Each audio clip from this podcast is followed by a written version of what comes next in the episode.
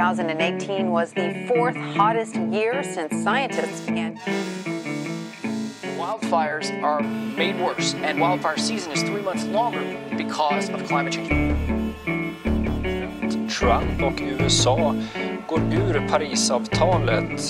Can you confidently draw that link between global warming and these weather related disasters? Välkomna till ett nytt avsnitt av Planet och politik med mig, Lorentz Tovatt.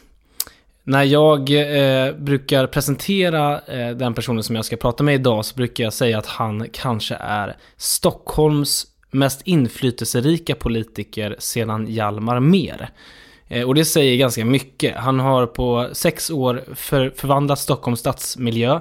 Eh, han är trafikborgarråd och han heter Daniel Heldén. Vi kör igång.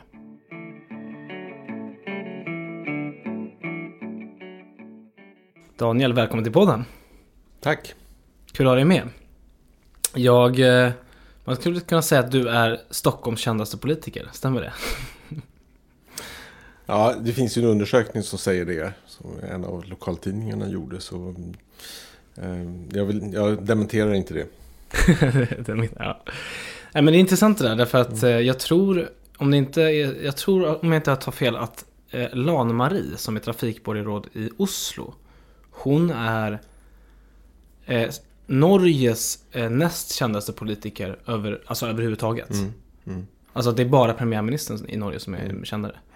Så det verkar ju vara som att ni trafikborgarråd liksom drar till er en uppmärksamhet. Ja, det, alltså alla de här trafikfrågorna är ju... Jag brukar säga att alla människor berörs av det som händer på gator och torg. Och, och man ska förflytta sig i staden. Så det, det skapar ju mycket känslor. Och Lan-Marie har ju verkligen gjort det och gjort otroligt bra saker, saker i Oslo. Eh, Men jag kan känna det här också. Det är ju... eh, När man håller på, det, det väcker känslor. Och det är väl också att vi är också två gröna politiker som vill förändra också våra huvudstäder till något bättre. Jättefascinerande. Att det är så tydligt att du är så känd i Stockholm. Alltså, men sen så är du ju känd också för att du gör ju mycket saker. Alltså det får man ändå... Det var ju nästan taskigt att presentera dig som den kändaste politikern. För det, jag, om jag hade varit eh, schysst så hade jag ju sagt den mest framgångsrika, fram- framgångsrika Stockholmspolitikern. För det tycker jag nog ändå man kan säga. På länge. Ehm, hur är det då att vara så känd? Jag tänker på, då tänker jag framförallt på att du får massa hat, eh, men också uppskattning förstås. Vad är... Men det är klart att det har sina sidor. Det, det är ju dubbelt det där. När jag förflyttar mig i stan så är det ju ofta folk som vill... Eh, de frågar saker, de har synpunkter. Det är många som är arga. Man kan ju inte, man kan inte röra sig i stan utan att, att eh, någon har någon idé om någonting. Det finns ju... Det var ju för övrigt kul nu när vi skulle in här till podd, poddstudion i riksdagen så var det ju folk, alltså mina kollegor som stannade upp dig och hade synpunkter på det ena och det andra liksom. Det, jag kan verkligen tänka mig att det är så generellt.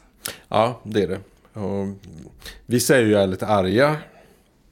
Men, men det, det, det, det fascinerande tycker jag är att, att eh, ofta så har folk eh, intressanta infallsvinklar på hur man skulle kunna göra saker och ting. Även de här som kommer fram och är liksom skitförbannade för att jag har gjort någonting. Och så kan man stå och prata en liten stund så, så, så smälter de lite grann. För att eh, de, många bildar sig liksom en uppfattning utifrån vad de läser i medier och så. Och, och fokuserar bara på, på eh, vissa typer av rubriker. Eh, Så det är ju det är fascinerande att gå runt i stan, prata med folk och se hur de faktiskt kan tycka att saker och ting... eh, Ja, de tackar efteråt liksom. Och tycker Mm, det är kul mm. att, att man tar sig tid och, och ja, det här kan, man kan se det på ett annat sätt och så vidare. Men det där har ju du börjat jobba med mer, för nu har du haft sådana här, eh, eller du planerade att ha sådana här stora medborgarmöten, vad, vad kallar du Ja, det? vi hade... Ja, det var en sorts medborgarmöten eh, som vi drog igång med i, i våras. Eh, vi hade det första stora på Drottninggatan klockan 12 mitt på dagen. Eh, det kom ungefär 150 personer dit. Mm. En timme, jag på scen, de ställde frågor och jag svarade. Eh, det, var, faktiskt fascinerande och vi hade som idé att det här skulle fortsätta under våren och nu på hösten. Nu kom ju Corona och ställde till det. Vi hann med ett till sånt möte. Eh, Men, men just det där konkreta, träffan, att träffa folk, att få, få liksom resonera. Det gillar jag. Ja, Det, Mm. Jag är så, hela tiden ute i media och berättar om saker och ting. Men att kunna ta nästa steg, att kunna svara på följdfrågan och, och, och bolla. Det, det ger så otroligt mycket mer eh, än det här envägskommunikationen. Jag bara tänker Mm. att, för det är ju spännande att se internationellt nu att om man tittar i Frankrike så har ju liksom det blivit en sån otrolig trend att vi får gröna borgmästare Mm. eh, runt om i, i, i städerna. Och jag var besökt eh, Grenoble för några år sedan och där har vi ju styrt ganska länge nu gröna. Eh, som, som, alltså vi har haft den tyngsta posten helt enkelt i, i kommunen. Och där, någonting som de lyfte så tydligt då, det var just medborgardialogen. Och det där är något som jag känner ibland att vi eh, i Sverige, alltså oavsett om vi är gröna eller andra partier, att vi är för dåliga på det. Att vi, vi har en, vi har lite för, för låg, eh, eller för lite dialog helt enkelt med, med vanliga människor ute på gatan liksom. Ja, jag tror att vi skulle behöva göra det mycket mer. Under de år som jag har varit borgarråd så tycker jag att jag kunde ägnat mycket mer tid åt detta.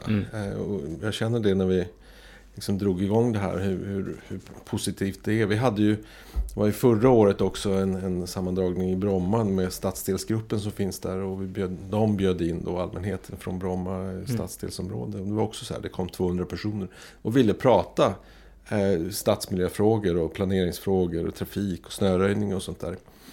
Eh, det, det blir något helt annat och det skulle man göra mycket, mycket, mycket mer. Just det. Jag tänker... Eh, vi ska snacka liksom allmänt om, om hur eh, man liksom skapar en, en människo, människovänlig stad. Det är ju egentligen det du har pysslat med de senaste sex åren. Ja, eller ännu mer. För du var... Bakgrunden är att du var först oppositionsborgarråd. Ja. Och sen så har du suttit sex år som trafikborgarråd. Ja. Alltså, jag var tidigare då eh, vice ordförande i trafiknämnden från 2012. Just det. Så att jag har ju hållit på det ända sedan 2012 i nämnden. Men sen är det ju när man väl... Jag höll på att säga, när man tar makten så det är ju då man kan genomföra förändringarna. Men, och det är, men det, man kan, är det en ganska bra eh, sammanfattning av vad du ägnar din tid åt? Att skapa en mer människovänlig, eller levande stad, kan man säga? Eller vad är... Ja, det kan man säga. En, en levande stad, en flexibel stad. Eh, vi har en stad som många gånger har tyvärr eh, fokuserat på framkomligheten för tyngre fordon. Eh, och historiskt, ja, ända sedan, ja, sen efter kriget egentligen så har man byggt om staden mer och mer för, för, för bilar och lastbilar och annat och sånt där. Och det har gjort att stan har blivit ganska enformig eller jag vill säga som en monokultur som där, där allt annat har fått liksom tryckas ut åt sidorna och att försöka lyfta tillbaka de gående, cyklisterna, ge platsen åt kollektivtrafiken. Det där ger en mer levande stad. Eh, och även de projekt vi har hållit på med, med att, att testa olika typer av nya gatulösningar, det är att göra staden mer levande. Vad... eh, Det här har du också forskat om. Nej, vad, eller, eller hur? Nej, jag skrev en eh, doktorsavhandling om, om proteströrelser, civil olydnad och stadsplanering. Ja, just det. Men det är Mm. ändå... Det anknyter ju lite till eh, den allmänna frågeställningen om människors liksom, plats i staden, tänker jag. Mm. Eh, Att det du skrev om var ju mycket... De som protesterade, de gjorde ju det för att de ville ta tillbaka eh, utrymmet från bilar. Eh, mycket, eller hur? Mm. Ja. Visst var det... Ja, det var en kombination. Det var ju då, jag skrev om Malmstriden. Det var en kombination av att de rivningar som gjordes i stan. Det blev större trafikleder och ja, en mer ogästvänlig stad. Eller, eller en, en, en trubbigare stad skulle man säga. Och då försökte man då... Almarna i Kungsträdgården som det handlade om, de blev symbolen för någonting helt annat än vad som höll på att hända i staden. Och, och det, det, det kan man säga, när jag skrev den avhandlingen, det, det ligger väl mycket i linje med det jag har gjort sen som trafikborgarråd, att försöka liksom ta tillbaka staden. Mm. Men det här är en intressant bakgrund. Det kanske vi bara ska prata lite kort om liksom vad, vad som har hänt eh, i Stockholm historiskt. Och det, nu, vi ska, det här ska inte bli bara om Stockholm förstås. Eh, utan Stockholm kan ju vara en symbol för egentligen det som hände på 50, 60, 70-talen i, i, i så gott som alla svenska städer. Och det är att ja, man började riva helt enkelt citykärnorna för att ge plats mycket för bilen. Eh, olika typer av infrastrukturlösningar. Eh, och inte minst att ge plats för ökad handel i form av eh, stora eh, eh, Många ja, köpcentrum. stora köplador centralt i städerna. Domus. Domus, EPA, för någon som kommer ihåg EPA och, och Tempo och Lens och sånt där. Mm. Det, liksom, det, det, det, fick ta plats och så tog man bort allt annat. Och det här är ju Mm. viktigt för att, eh, men alltså, jag tror inte, det är inte så många som har koll på det här, men det är viktigt för att det har ju påverkat våra stadskärnor i 50 år nu liksom. Mm. Mer, 70 år. Mm. Eh, och eh, mycket har ju, alltså konsekvenserna av det man har gjort, om man tar Norrmalm i, i, i Stockholm, så det har ju blivit en död stad, det har ju varit en död stadsdel under många år liksom. Nu har, vi- har ju du bland annat bidragit till att det finns en del liv och rörelse som kommer tillbaka till Mm. stadsdelen. Eh, mycket via stadsmiljöåtgärder liksom. Men det där är intressant just att, ehm, ja, hur de här besluten som togs 50, 60, 70-tal, hur det, hur det har liksom, ja, mycket förstört egentligen kan man säga. Mm. Och att det arbete som pågår nu, det som du gör bland annat, det handlar om att ta tillbaka. Ja, absolut. Och, och man märker ju också de stadskärnor som man liksom blåste ur, de, de är inte eftertraktade på det sättet. Folk vill ha det, en, en annan typ av, av stad. Och i Stockholm har vi ju den fördelen att ja, men, man blåste ur centrala city, men övriga delar finns mycket kvar av den, den äldre staden. Och det är ju den som folk uppskattar och vill ha. Ehm, och åker man runt i landet så det finns så många torg och annat som är så tråkiga. Det blir bättre nu, för man kan säga att det som vi håller på med i Stockholm är att förändra stadsmiljön, få ut uteserveringar, göra gågator, eh, gångfartsområden och annat. Liva ju upp de här områdena, men det har varit så otroligt många, många år där det här blev... Eh, ja, det, det blev så, ja, det blev förödande, ja. Och det är ju, ja men just det här med att Stockholm är ju bara en symbol här. Alltså att, jag tror att det, det var väl bara några få städer som klarade sig undan tror jag. Mm. Man pratar om, vad är det, Nora. Kanske Ystad pratar man också om va? Ja, det finns en del sådana här... Ja, Visby uppenbarligen. Men, det var, men jag tror att det bara var några få städer som klarade sig undan och, och egentligen de flesta andra städerna så jämnades ju citykvarteren med marken Mm. och så ställde man upp eh, köplador liksom. mm, mm. Mycket det här, det, är ju, för det, finns, det finns en intressant filosofi bakom allt det där. Om man tittar på vad som gjordes under de här årtiondena så eh, och för den delen fortfarande görs. Om man, om man går in i Mall of Scandinavia till exempel så, så promenerar man där inne. Då kan man nästan... Det ser ut, de försöker aktivt göra det som att det ser ut som en gata. Fast det är inomhus. Så man har liksom vänt på logiken. Alltså istället för att man ska ha en kvartersstad där man kan gå runt i affärer eller cykla runt mellan affärer. Så ska man göra det fast inomhus. Eh, vilket då gör att man, man vänder ut och in på det och att då, då blir den verkliga gatumiljön helt steril. Det vill säga där finns det bara plats för bilar för man måste ta sig dit. Eh, och sen så inomhus blir det då som den här gatumiljön som man egentligen då vill ha. Så Ja. det, det är nästan dubbelt eh, ironiskt. där. Ja, ja men visst. Det är ju gallerian också i city i Stockholm här. Där, eh, gallerian är ju det är egentligen ja, det är två gator som, som, Ja. som fanns. Ja. Som har blivit inuti ett hus. ja. Och där, där försöker man ja, göra det här lite närmre, nära. Eh, som ju folk efterstraktar. Nu kan man ju diskutera om gallerian i Stockholm är, är, är något att eftersträva. Men, men eh, Nej, precis. Eh, nej, men det där är... För den som vill kolla mer på någonting kring det här så kan man eh, kika på När Domus kom till stan. Alltså det är en dokumentär. Jag tror att den finns på YouTube faktiskt. Men den är gammal nu och den är, den är väldigt speciellt filmad. Men den är ändå, jag tycker den är ganska bra faktiskt. Eh, ja. Eller läsa din avhandling då kanske. Ja, den, den, den ska man läsa om man är mer intresserad av politiska spel än, än stadsplaneringsfrågorna. Okej. Nåväl, det blev en liten utvikning men, men eh, nog så intressant. Jag tänkte, eh, om vi har Stockholms historia nu. Vad, när, du, när du ska ta beslut om saker och ting och när du ska hitta inspiration. Har du några exempel globalt? Liksom? Vad, är, vad är det du eh, tittar på som de föredömen runt om i världen som du kan hämta inspiration från? Så jag skulle säga att det, det är väl en, en, det är en viktig del av hela det arbete som vi gör när vi håller på i, i stadshuset med trafikfrågorna och stadsplaneringen. Det är att titta på andra städer. Men vi har, jag har ju åkt runt i Europa och träffat eh, motsvarigheter alltså, som har samma uppdrag som mig i, i till exempel i Berlin och Wien. Eh, jag träffade dem i Paris. Och, eh, och där alltså alla håller på med snarlika saker. Vi utbyter erfarenheter. Vissa saker, någon kommer på någon smart idé och så skickar man iväg den till dem och så gör de, följer de efter.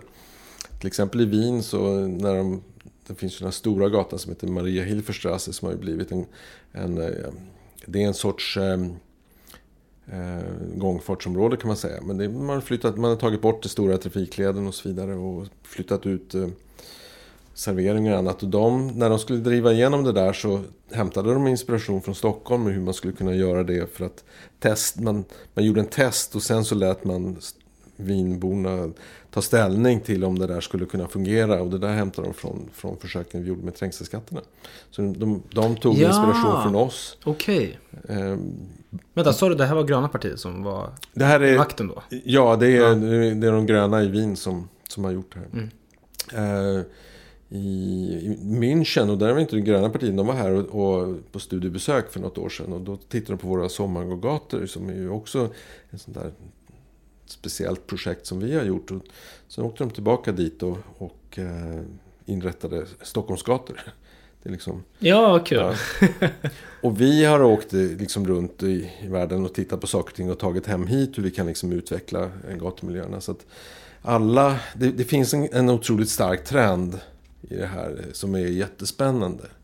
Det är bara, ja, men för de som har varit i New York, det är helt fantastiskt vilken resa de gjorde där med att förändra stadsmiljön. Ja, har Så- de gjort det redan? Är det eller, Ja, det, är- alltså inte det är, färdigt, men- men- nej, det är inte det färdigt. kommit- Alltså, det, men det är ju såna här, men alla har sett bilderna från Times Square. Där alla, Ah, ja, det är ju en sån här där, som var världens trafikledsnod som idag är där folk vistas. Eh, massor med platser i gatumiljön där man gjort små parker och annat. Och det, det, och det där ser man runt omkring. Så jag skulle säga, för vissa delar, när man tittar på cykelinfrastrukturen, självklart Köpenhamn, Amsterdam, där vi har varit och tittat, det är liksom att hämta, för de har, de gjorde resan till förändringen mycket tidigare än oss. Mm. Så där är det mycket att hämta inspiration. När det gäller stadsomvandling, mera gatumiljöerna, där är det mer ett utbyte från olika städer. För det är liksom en, en drivkraft i, framförallt skulle jag säga, i huvudstäderna, men andra, även i andra städer. Att göra stora förändringar. Så eh, Wien har jag varit flera gånger och tittat på deras projekt som de gör. Det är otroligt spännande. Eh, Paris är ju nu med Anne Hildago är ju fantastiskt vilka saker de gör där. Och hon blir omvald dessutom hela tiden. eh, Och kan fortsätta Mm. de här processerna. Mm. Så eh, jag har varit flera gånger i, i Oslo såklart och tittat och Mm. diskuterat med dem. De har varit här och tittat. Men det jag skulle säga att det pågår en, en, eh, en man kan inte säga en urbaniseringsprocess. En, en, en omvandlingsprocess av våra stora städer. Eh, som är otroligt fascinerande. Är det nästan så att du känner dig stressad? Att de andra, det går så bra, eller de gör så mycket så att du måste liksom leverera?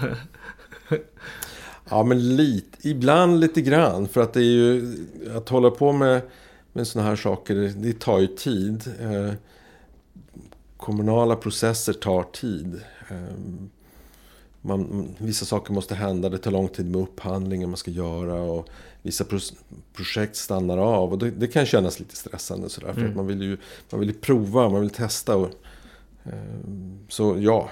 Mm, mm. Men, Jag trodde du skulle nämna Ned- Nederländerna som liksom din första inspirationskälla. Men det är kanske en lite annan situation. För de, de genomförde aldrig stora rivningar heller riktigt på samma sätt. Så de har en annan gatustruktur från första Ja, början. Ja, och de... Och, och, eh, oftast brukar man ju åka till Amsterdam sådär och titta. Men även andra städer. De har ju fantastisk cykelinfrastruktur i de länderna.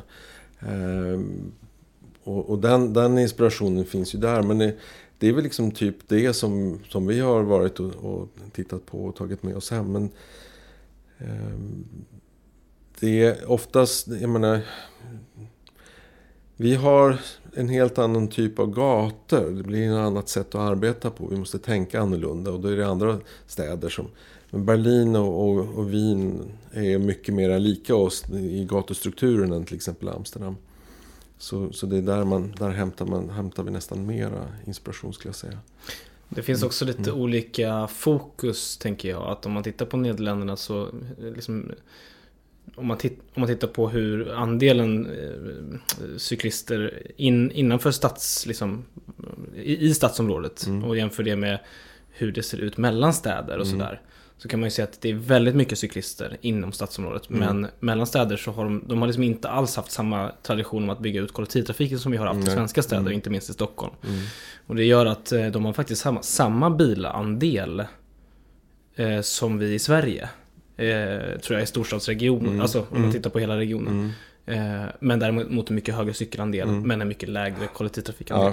Så att det där Ja, men- är liksom lite olika. Exakt, och det är ju som i Köpenhamn.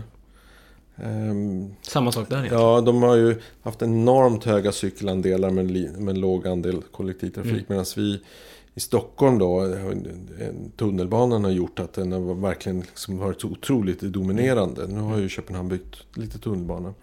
Så det blir väl kanske en förändring där. Men det, det gör att strukturen är annorlunda.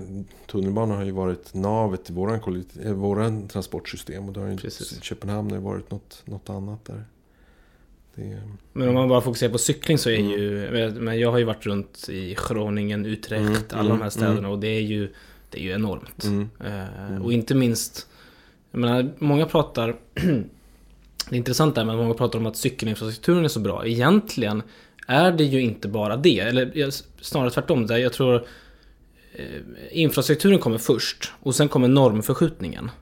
Alltså det vill säga, man går från att ha bilar som norm i, i gatumiljön och sen så blir det, förr eller senare så kommer det ett skifte. Där det blir liksom cyklister som är norm. Och då eh, kan man ändra så att all infrastruktur är cykelinfrastruktur. Snarare än att ha den för sig. Och det där är ju Nederländerna, de har kommit så långt så att nu, nu om, om man cyklar runt i eh, Groningen till exempel. Så eh, det är ju 62% cykelandel tror jag. Ja, det Och det gör ju att du stöter ju knappt på en bil. Nej. Nej. Vilket jag, det, är, det är faktiskt en Mm, helt mm, otrolig upplevelse. mm, så det är, om, om ni, ni som är cykelintresserade får ju faktiskt åka ner dit. Det är ju fantastiskt. Mm. Ja, jag, jag var där för ett par år sedan och det, det är ju Men det är ju fascinerande just när, när, när cyklingen blir dominerande på det sättet. Och vi har ju försökt här i staden med de förändringar vi gjort. Man kan cykla till exempel mot enkelriktat. Ja, precis. Som formellt egentligen inte då heter det längre cykla mot enkelriktat. Men man gör i praktiken det. Eh, Där, det gör ju att staden blir flexibel för cyklisterna.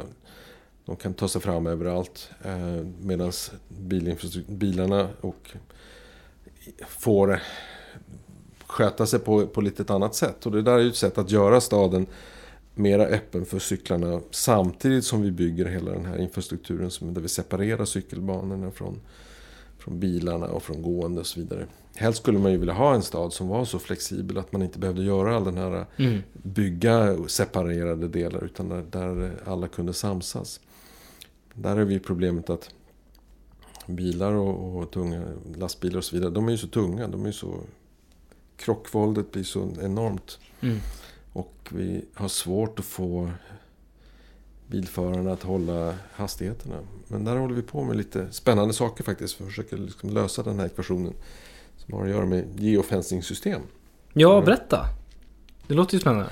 Ja, Om du vi- nu kan säga. Jag vet. Jo, men jag kan säga, jo vi- absolut. Vi har... eh, Man kan säga att vi har ett uppdrag i, i stadens budget som vi satte förra året. Att vi ska försöka få till att alla stadens egna bilar är, har geofencing-system. Det vill säga, det innebär att med eh, datorer i bilarna så kan man styra hastigheten. Så att när de kör på stadsgatorna så måste de hålla hastigheten. Alltså de kan, man kan inte bryta mot det.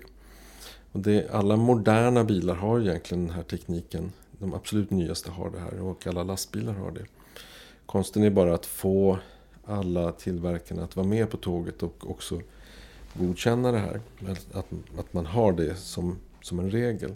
Och jag skulle vilja ha att om, om man kör in en bil i, i, i Stockholm.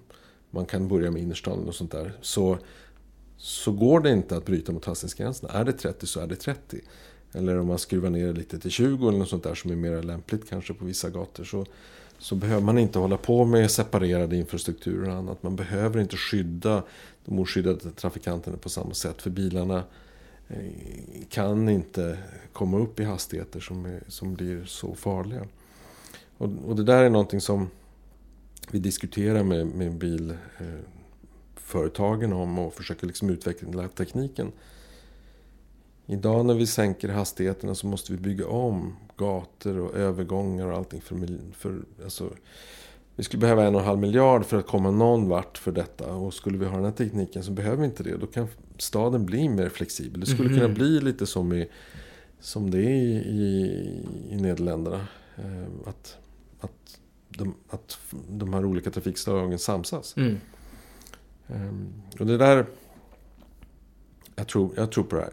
Det, tekniken finns.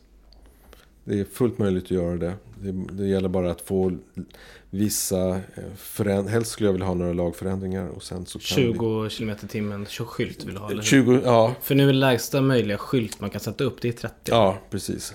Om man inte då har gångfartsområde och det är typ 7 och det blir liksom för Just det. Ja, jag har skrivit motion om i riksdagen. Ja, det är bra. Det är bra. Vi, vi måste jobba från olika håll. Ja, precis. Ehm, men, men den här kombinationen eh, och det här är ju också intressant eftersom hela den diskussionen om självkörande eh, fordon som, som finns. Och, eh, sannolikt så kommer det. Och Tesla säger ju att de redan nu kan ju låta sina, alla sina bilar egentligen vara självkörande. Och där är det ju det att eh, man kan ju inte programmera, man får inte programmera en bil att bryta mot hastighetsgränserna. Så att alla självkörande fordon egentligen kommer, kommer att, ah. att, följa hastighetsgränserna. Så att i hela den här förändringen och teknik, utvecklingen så kan vi liksom vara där. Och då mm. tycker jag att då, då, borde vi se till att rubb och stubb har mm. det här. Och dessutom så har ju EU bestämt att från juni 2022 så måste alla bilar som säljs i Europa ha den här tekniken i sig. Så att vi är... Det är bara att köra. Det är bara, att köra. Jag skulle bara vilja... 2022 är liksom lite för långt fram. Jag skulle liksom dra igång det här redan nu på olika ja. sätt. Men testområden till exempel och, och utveckla det.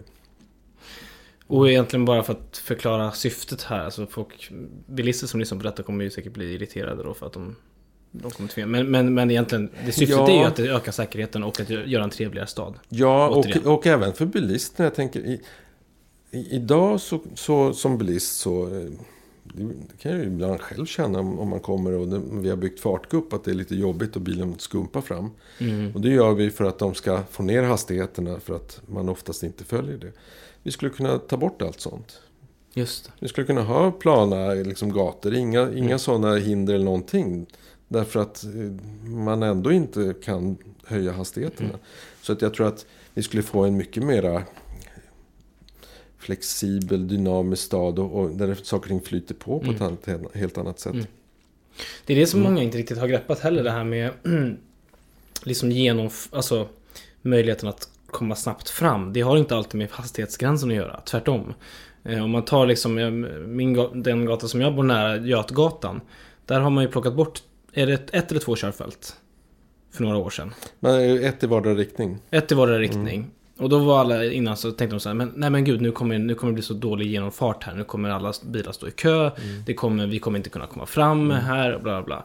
Och så visade det sig att eh, genom, genomflödet var exakt likadant mm. efter. Mm. Och det berodde ganska mycket på just att det var rödljus och liknande. Mm. Och att liksom, man kan inte, om man, ska, om man ska trängas så kan man inte köra snabbt. För då mm. måste man ha större avstånd mellan bilarna också.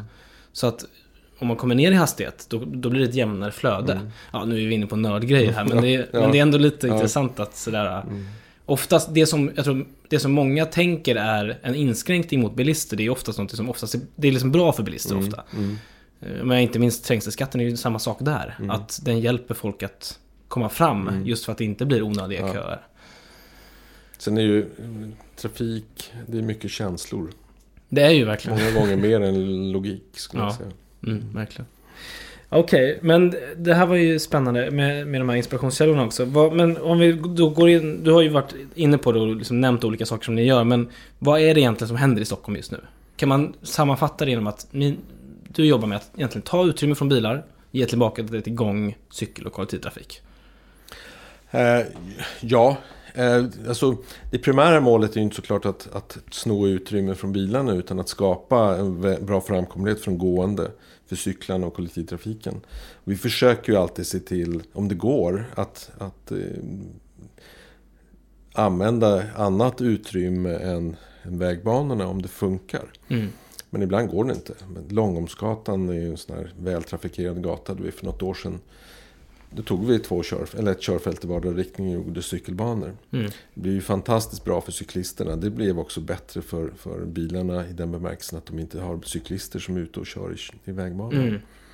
Men de, de här sakerna, man måste göra dem om man vill ha en, en omställning i staden. Och målsättningen, målen vi har i stan, vi ska premiera gång, cykel och kollektivtrafiken. De ska Mm. vara de transportmedel som är, som är eh, det man väljer först. Då måste vi få folk att få bra eh, infrastruktur Mm. som de kan använda. Eh, vi har ju ganska länge haft stora konflikter mellan gående och cyklister till exempel. Därför Mm. att det finns en äldre typ av cykelbanor där, där de hänger ihop. Och, och man ser inte alltid vad skillnaden är. Och så går de gående i cykelbanan och cyklisten blir helt vansinnig. Och cyklisterna cyklar mellan de gående. Det försöker vi bygga bort. Vi försöker separera upp det här ordentligt. Eh, Så det håller vi på med. Och konkret innebär Mm. egentligen att bygga en ny typ av infrastruktur som är mer generös då för de här. Alltså vad, om man tar Ja. en cykelbana så ska den vara bredare och... Eller Vi, vi, har, och vi, har, ordentlig. vi har en plan, vi har planer som, som säger att det ska vara vissa breddmått på cykelbanorna. Eh, är det riktigt höga flöden, eh, till exempel här i centrala stan så där vi har mellan 10, ja men här runt omkring så är det ju 16 000 cyklister om dagen på vissa stråkar. Mm. Eh, där ska det vara riktigt brett. Och då ser vi till att vi också bygger för tillräckligt. Alltså vi, vi ska inte göra som man gjorde förr, snåla på utrymmet. Utan de, ska ha det utrymmet som behövs så att det är tryggt och säkert. För att cyklister och cyklister är också en fara för varandra om det är för trångt. Och det måste vi se till att det, det in, inte är det. Och vi har ägnat oss åt att vi breddar ju oftast också gångytorna när vi bygger cykelbanor. Vi gör det samtidigt. Folk tänker att det är bara cykelbanorna men oftast det blir gångbanorna bredare på en gång.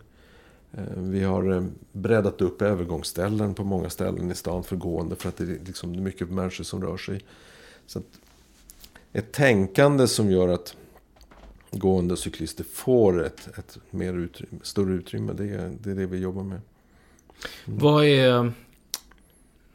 Är det någonting som du känner att det här har jag inte lyckats med ännu? Det här, det här var ett misstag eller någonting? Alltså någonting som inte har lyckats gå i linje med det här? Alltså, under mina år, vi har ju haft... Jag har ju ungefär 10 trafiknämnder om året med så här 30 ärenden och då kanske en, fyra, fem stycken är gång, cykel, infrastrukturprojekt. Så är det ju många som, som har stannat på vägen eh, och, och det kan ju kännas som ett misslyckande. Nu jobbar vi ju på för att få igång allting. Eh, Ja, du menar att det är ärenden som ska upp eller som ska beslutas om? som, och sen- eller som är som beslutade blir och så har det liksom- hänt någonting som gjort att man inte kunnat gått vidare. Ja, just det. Men jag, det som jag vi har jobbat mycket med är ju bussframkomligheten. Att stombussarna ska komma snabbare fram. Därav tycker jag inte riktigt vi har lyckats eh, som Mm. vi borde. Eh, Det, är mycket, det finns mycket motstånd när vi lägger ut busskörfält och annat. Och, det skulle, vi skulle ha kommit mycket längre där tycker jag. Det skulle vara, gå snabbare att ta bussen. Nu Men det är ett samarbete med regionen också, eller hur? Det är inte Ja. bara er uppgift. Nej, det är inte bara vår uppgift. Vi, har ju, vi är ju inte ansvariga för bussarna, så regionen är ju en del i det här.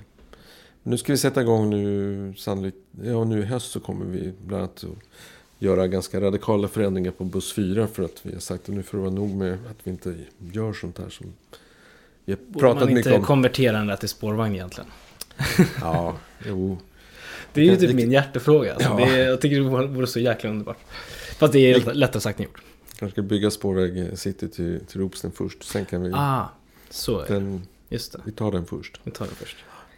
Du, eh, men nu pratar vi ganska mycket trafik. Jag menar, ditt jobb är ju mycket det här som vi varit inne på, liksom det här med att göra det attraktivt och levande. Berätta om, lev, alltså, berätta om levande Stockholm, de här sommargågatorna. Du har ju nämnt dem. Vad är det egentligen? Alltså, vad, Mm. vad går det ut på? Det går ut på att använda det offentliga rummet på ett mera smart kreativt sätt. Och då pratar vi ju inte om gång, cykel och kollektivtrafiken och sånt utan att eh, om vi har centrala gator så att kunna på sommarhalvåret omvandla dem till, till gågator där restauranger och, och kaféer och kulturevenemang kan flytta ut helt enkelt i gatan. Eh, ha ett, ett annat perspektiv på vad stadsmiljön är för någonting. Vi har blivit så vana vid att en gata är en trottoar och så är det en körbana och så är det parkerade bilar. Att kunna plocka bort de parkerade bilarna, göra det till, till en offentlig delad yta för, för människor. Det är det, som, det, är, det är det vi jobbar med i Levande Stockholm. Och vi har ju ett stort antal sommargågator. Den första var ju Swedenborgsgatan som ju är otroligt uppskattad av stockholmare och turister och andra. Det är ju... Folk tycker om det här att vara i det offentliga rummet och, och nyttja det på ett annat sätt. Och det, det jobbar vi med. Vi har också pop-up-parker, det vill säga små parker som man kan ställa ut. Vi införde ju regel att man kan hyra gratis en parkeringsplats och ha en park på. Jag har funderat på att göra det faktiskt. Ja. Jag har inte kommit igång med det. Nej, men det är, det är, det är, få som, det är inte så många som har gjort det. Jag tror inte alla har liksom förstått att man kan göra det. Det finns ju vissa krav för de där måste byggas av trafiksäkerhetsskäl och annat sånt där. Men, men det är gratis att göra det.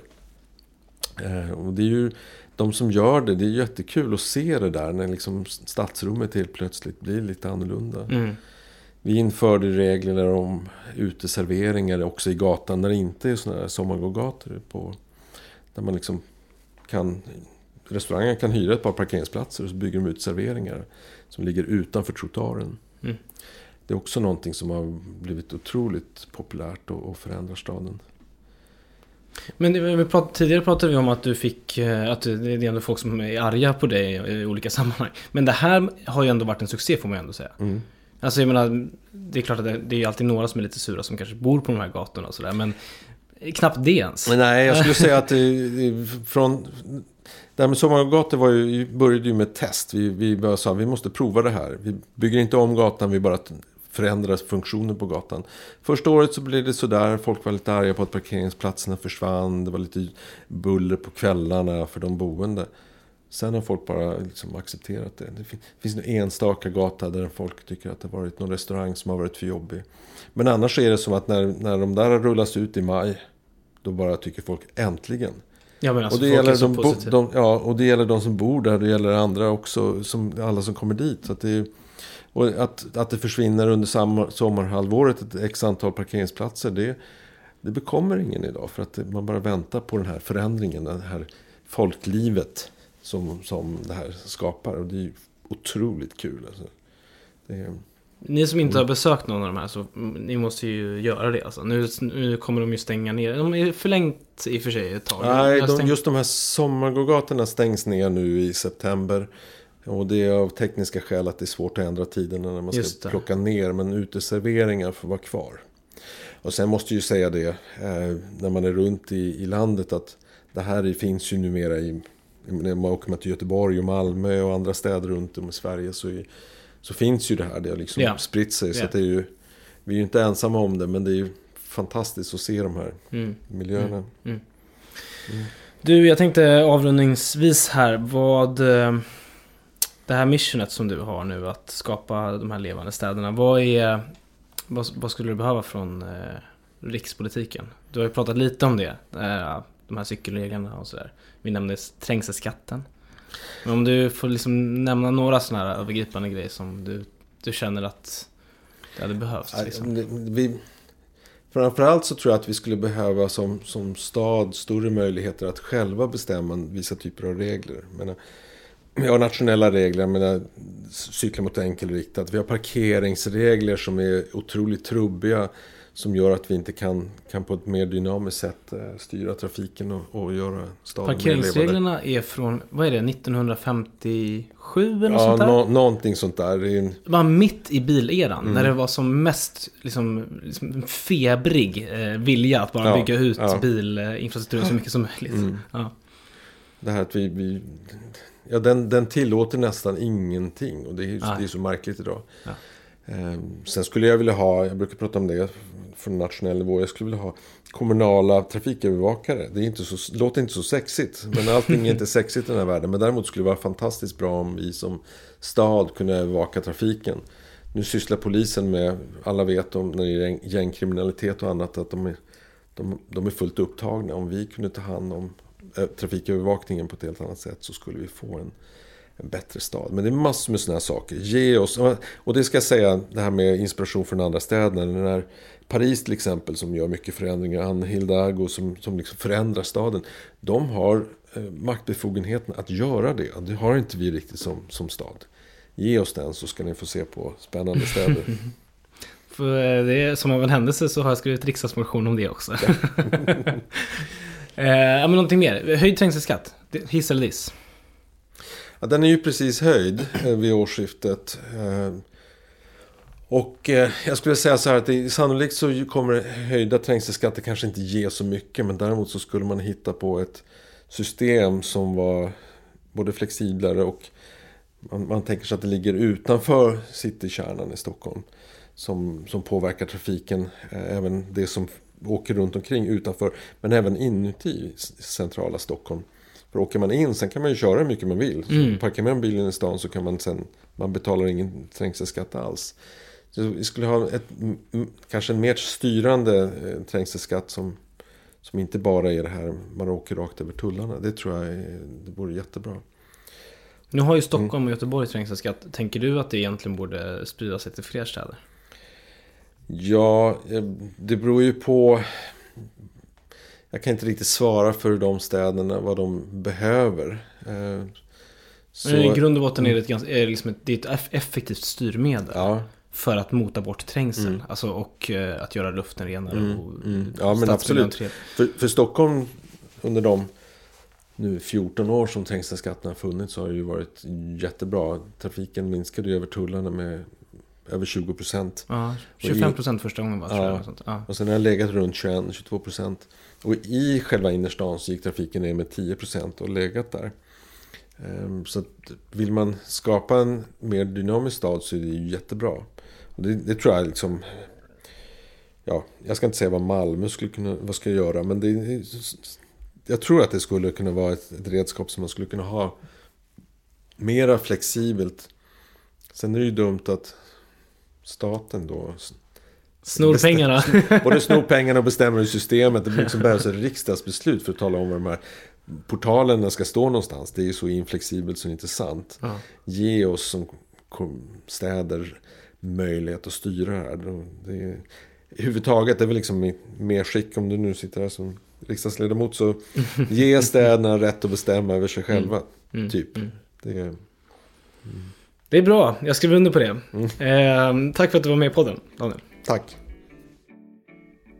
Kul att du har lyssnat. Eh, det här har varit ett avsnitt av Planet och politik med mig, Lorentz Tovatt. Tack till Christian Hanner som hjälpt mig att klippa eh, och vi hörs igen om en vecka.